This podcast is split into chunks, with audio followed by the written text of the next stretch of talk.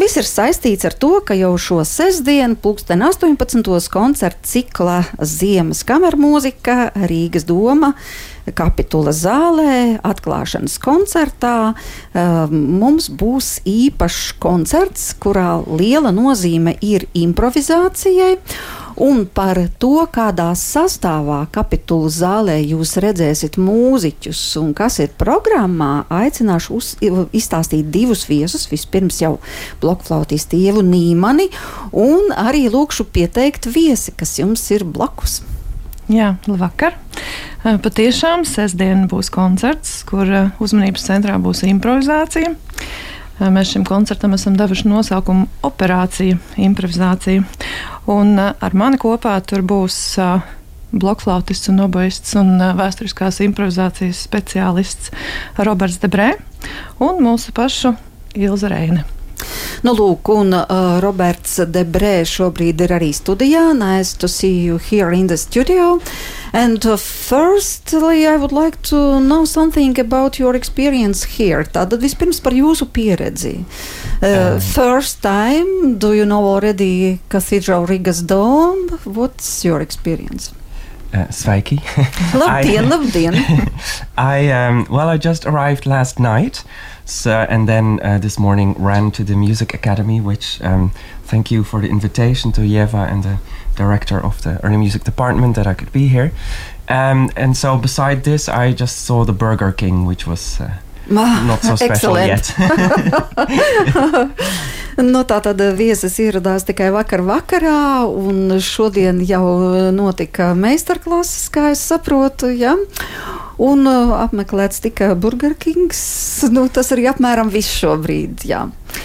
Uh, but okay, you have a very great plans for uh, Saturday for the concert uh, and a very great place um, is for the improvisation. So, what you can say about that? It's your idea. How came this program together? Tātad, um, kā šī ideja tapa un kā tā tika veidota šī koncerta programma? So, um, about 15 years ago, I was reading in some books about classical music, about early music, and I found many references to early, to improvisation. And so it seemed like already in the 14th century, 15th century, people were improvising, 16th century, 17th century, 18th century. Basically, uh, all throughout music history, we find uh, proof that musicians were improvising in classical music. But now this is not the case anymore. So I started researching how can I bring this back with also, of course, there's other people that do this. And For contemporary music, you mean? In no, in the style of uh, of the past. Ancient music. Mm -hmm. Yeah. So Bach was more famous for his improvisations than for his Matthew Passion or for his keyboard music.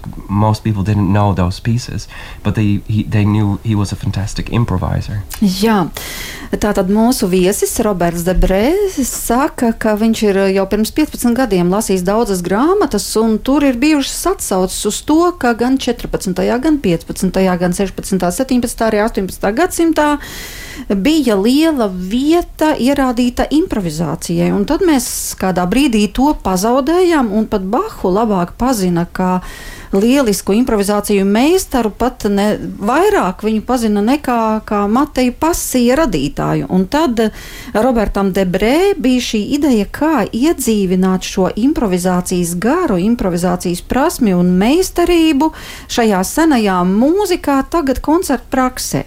Ieva, varbūt jūs varat papildināt vispirms jau par pašu viesi, kā jūs iepazināties, kā tas notika. Uh, nu, tas notika vēsturiskās improvizācijas meistarklasē. Nu, lūk, jau kādā Nīderlandē vai kur jā, citur. Tas bija kāds gadus atpakaļ, kad es biju Erasmus apmaiņas students uh, Nīderlandē, un Roberts vadīja šādu te meistarklasi. Un tad es apmeklēju arī pāris uh, viņa uzstāšanās, kamēr es studēju tajā posmā. Un pagājušajā gadā mēs abi satikāmies. Atskaņojot Johana Sebastiāna Baha Jāņa pasiju Holandē un eh, par cik viņš tikko bija uzsācis eh, pasniedzēja darbu Hāgas Karaliskajā konservatorijā, mācot tieši vēsturisko improvizāciju, tad radās šī doma uzaicināt viņu šeit eh, kā pasniedzēju un arī pie reizes nospēlēt koncertu. Tātad jums jau notika meistarklases, vai varat nedaudz padalīties, ko tas īsti nozīmē un kādā veidā, lai šo improvizāciju iedzīvina jau gatavā partitūrā, lai tas būtu Baks vai Leclerc vai jebkurš cits autors, Marē, e, un kur tagad es tā ņemšu un improvizēšu, jo taču manuskripts jau ir gatavs. Manuskripts jau ir gatavs, daudz kas tur ir rakstīts, bet nu, jā, tieši tā studējot gan literatūru no tā laika, un izpildīšanas praksi. Patiesībā šī mūzikā improvizēts tika ļoti daudz un ļoti pamatīgi. Un patiesībā mēs varam salīdzināt arī to ar improvizāciju džēzā. Un būtībā tas ir.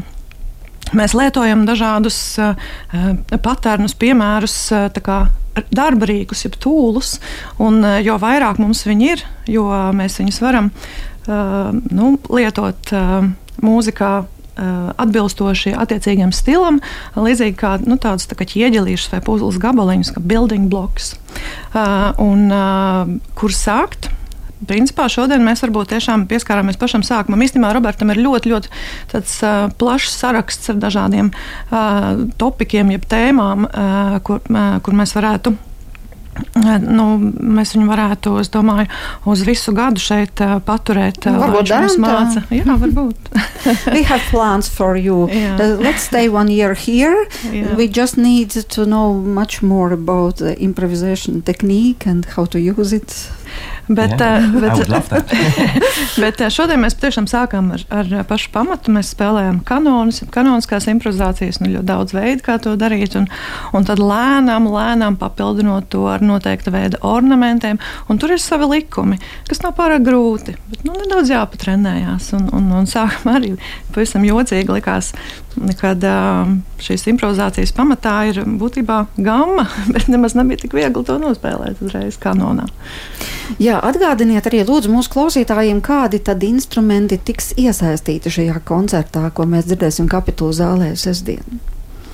Nu, Pirmkārt, jau skanēs Rīgas doma brīnišķīgais ēdeļu pozitīvs. Un tad mēs ar Robertu īstenosim būtībā tādu vēsturisku praksi, kad mūziķis spēlē vairāk kā vienu instrumentu, jo mēs arī abi spēlējam vairāk kā vienu instrumentu. Skanēs gan barokobojas, gan blokflautas. Mm -hmm. Vēl mēs varētu noteikti parunāt arī par komponistiem.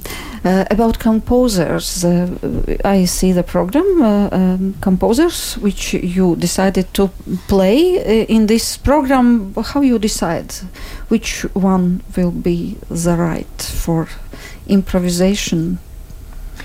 Um, well, it was a, a combination of two factors. One, we both love French music, um, mm. and French music uh, has its own language, its own uh, colors that uh, one should really focus on to, to, to understand when we're practicing it. And then, um, then the other aspect was the improvisation. So we have uh, the Marais, there, this piece by Marais is actually a story. That's something that happened to him, an operation of the gallstone.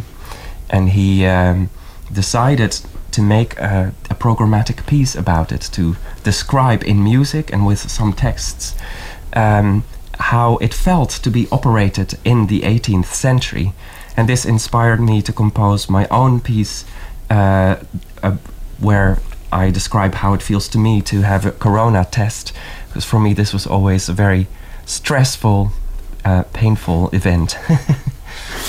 Jā, tātad pirmkārt mūsu mūziķus vieno mīlestība uz franču mūziku, tas ir viens, un arī tā ir piemērota, lai uh, arī improvizētu, bet otra lieta ir arī tādi personiski stāsti, tā kā Marēns Marē, kurš stāsta par mūzikā, stāsta par savu pieredzi operācijā, medicīniskā operācijā, un savukārt arī ievai. Es zinu, ka ir kāds neliels skaņdarbiņš šajā programmā, un arī mūsu viesim, uh, Robertam Debrē. Viņam ir skaņdarbs par to, kā viņš ir uh, veicis šo PCR testu uh, Covid vīrusa laikā. Tātad viņa izjūtas uh, šī testa sagatavošanas un veikšanas laikā. Ieva, papildiniet, lūdzu. Nu, katrā ziņā tas ir kaut kas ļoti neparasts, ko es šobrīd dzirdu. Pirmkārt, jau ja runājam par Marēnu Marē, nu, tas priekš mums ir nu, tāda īpaša senās mūzikas zvaigzne. Mēs zinām, kādas kompozīcijas viņš ir radījis Violai da Gamba un tā tālāk, un pēkšņi kaut kāda tur operācija. Kas tas ir par skaņdarbu tur, kas tur ir tik detalizēti medicīniski aprakstīts?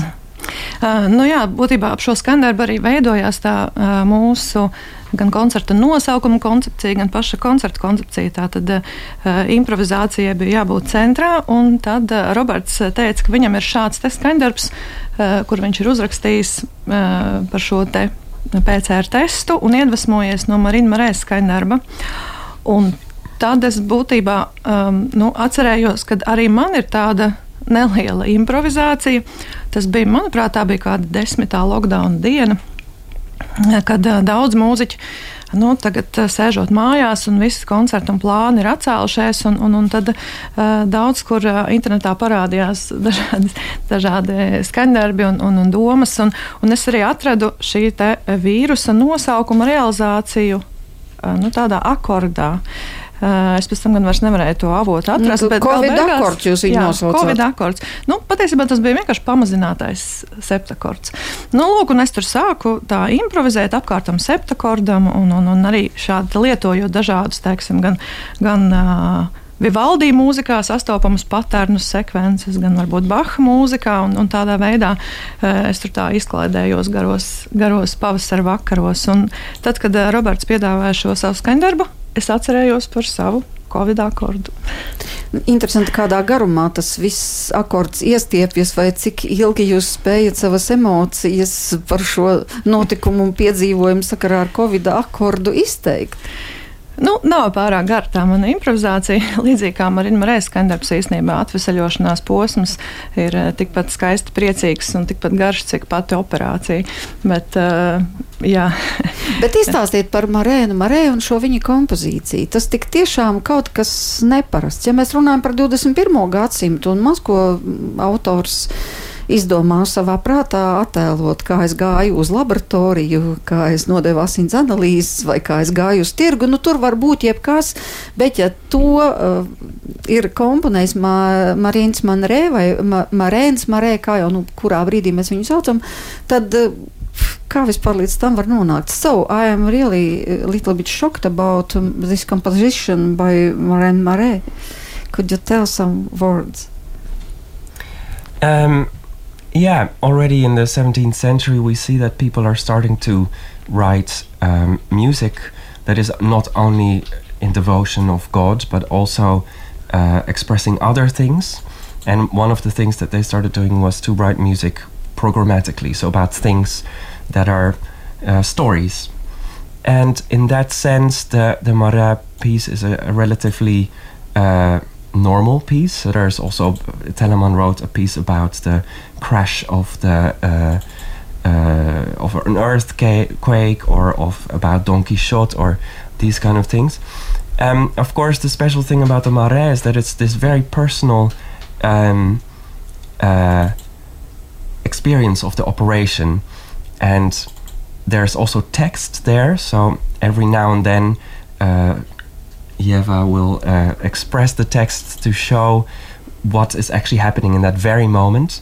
Um, and I hope people will be able to, to also sense the drama of uh, at some point, for instance, when the the needle is coming closer, you get this very fast high notes uh, that is very dramatic, and so um, yeah, I think it's a it's a very fantastic piece, just showing in music this this dramatic moment of having an operation. You can imagine they didn't really have uh, anesthetics or anything, so he was really present with his head there to realize all the things that went in and out of the body.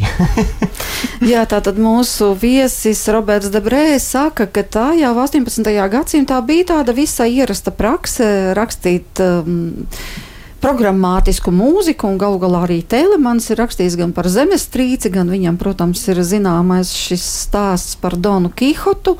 un arī Marēns Marē ir attēlojis mūzikā šo medicīnisko operāciju. Tā tad nierakmeņu izņemšanas operācijas apraksts, bet tā kā tas ir noticis tātad 17. un 18. gadsimtā, kad nekādas anestēzijas nebija, un tur tā tad ir daļas šai kompozīcijai operāciju galda parādīšanās, trīsas no ieraudzītā, apņēmība tajā nokļūt, tad uzkāpšana, tad izkāpšana un apņēmība uzmanības zudums, tad vēl nopietnas pārdomas. Vēl man ļoti pārsteidza šī daļa roku un kāju zīda saišu nostiprināšana, vai tas nozīmē, ka komponists tika piesiets pie galda, lai viņam nebūtu iespējas aizmukt. Un tad, kā teica Roberts Debrē, tad, kad adatas lūk tuvojas un tiek veikts iegriezums, tad ļoti ātras notis tiek spēlēts no acīm redzot, lai kaut kā īpaši sāsinātu šo satraukumu. Bet, e, Ieva, pastāstiet lūdzu, kā praktiski šis darbs tiks atskaņots, vai pirms katras daļas būs komentārs, un jūs tā kā teiksiet, tagad galds, tagad zīda saites tiek nostiprināts. Vai tiešām tas būs tā? Tad jau tas ir gandrīz vai kā teātris. Nu, jā, es savā neeksistējošajā franču valodā mēģināšu, jo programmiņā būs iedrukāts tulkojums gan angļu, gan latviešu valodā. Bet man liekas ļoti svarīgi tomēr izpildīt to franču valodā. Es trenējos jau vairākas dienas. Šis ir skandarbs, par kuru es uztraucos visvairāk, kā es viņu spēšu teikt aiznest pietiekami augstvērtīgi līdz klausītājiem. Bet, jā, patiešām nu, dažas no tām daļām ir pusotru takti garas, un šīs frāzes tiek izrunātas, jeb izkliegtas, jeb izčukstētas spēles laikā. Spēles laikā tad, tad tas nav tā kā pieteikums ka katram šim īsajam fragmentam no operācijas, bet tikai vienkārši izčukstētas frāzes spēles laikā.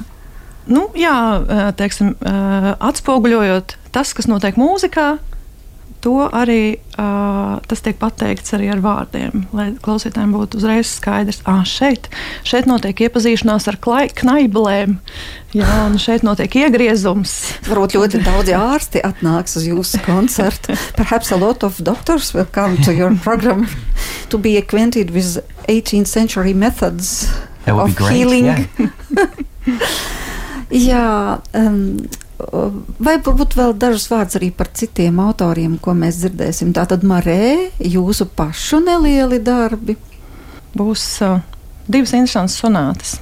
Divi brāļi, uh, Juans Plā un Husei Plā. Uh, divas trijā sonātas, viena Fā mažorā un viena Rē minorā. Uh, tad Leklēra svīta, daļas no šīm svītām. Un tas, kā mēs šajos skandarbos šo 18. gadsimta improvizēšanas praksi implementēsim, mēs spēlēsim improvizētas prelūdes pirms daļām, starp daļām un sonātēs improvizētas kadences. Jā, un vēl bez tam es saprotu, ka skanēs arī Žana Marijas Leklēra, arī Žana Martina Otetēra kompozīcijas. Jā, arī Otetēra, tās ir iekļautas. Otetēra svīta, jā, divām blokflautām, viens no maniem visu laiku mīļākajiem skandarbiem. Uh, un um, arī ir neliela intriga koncerta. Robertam ir plāns iesaistīt arī klausītājus. Visu mēs neatklāsim. Bet uh, varbūt viņš pats var pastāstīt. Ieva said that you are ready to involve also public in this improvisation. Perhaps I understand that you are not going to open all the secrets, but perhaps you can tell how, pre, how we should prepare before coming. Tātad es tikai vaicāju, vai mums ir kaut kā īpaši jāsagatavojas, ja mēs vēlamies piedalīties šajā koncertā, kurā tiksim arī iesaistīti. Um, you won't have to prepare anything, don't worry. Um, basically, what I like about improvisation is that when uh, composers, musicians were improvising in the past, they were using elements that the audience knew. And now, very often, okay, we're playing this wonderful music by Pla, for example, and we're doing our little improvisations and everything, and it will be, of course, wonderful. Um, but for the audience, they don't know the music, so they don't really know what we're doing with it, which is fine. It's uh, one way of listening to music. But what I like about improvisation is if I can Im- uh, include the audience in a, in a, in a certain way, they will be able to follow better what I'm doing in the moment, and it's a very different experience of music, uh, of having given something, uh, and then I can uh, make something out of it, some music out of it, which is uh, experienced in a, I think, closer and more personal way by the audience. Nu jā, tā tad nedaudz tomēr mēs šo noslēpumu uzzinājām, ka svarīgi nav jāsagatavojās nekādā īpašā veidā publikai, kas nāks uz šo koncertu, bet svarīgi, lai publika varētu sekot, ka tai ir jābūt mūzikai, vai vismaz melodijai, vai tēmai, ko publika zina. Un tad arī, ja, piemēram, tas būs plāts, tad klausītāji to nepazīst, un, un tad arī nevar izsakot šim improvizācijas procesam. Tā. Bet, ja tas ir kaut kas, ko publika jau pazīst, tad arī ieslēdzās pilnīgi citas maņas, un jau var notikt kopīga muzicēšana, vai tā? Jā, apmēram tāds. Tāds ir plāns.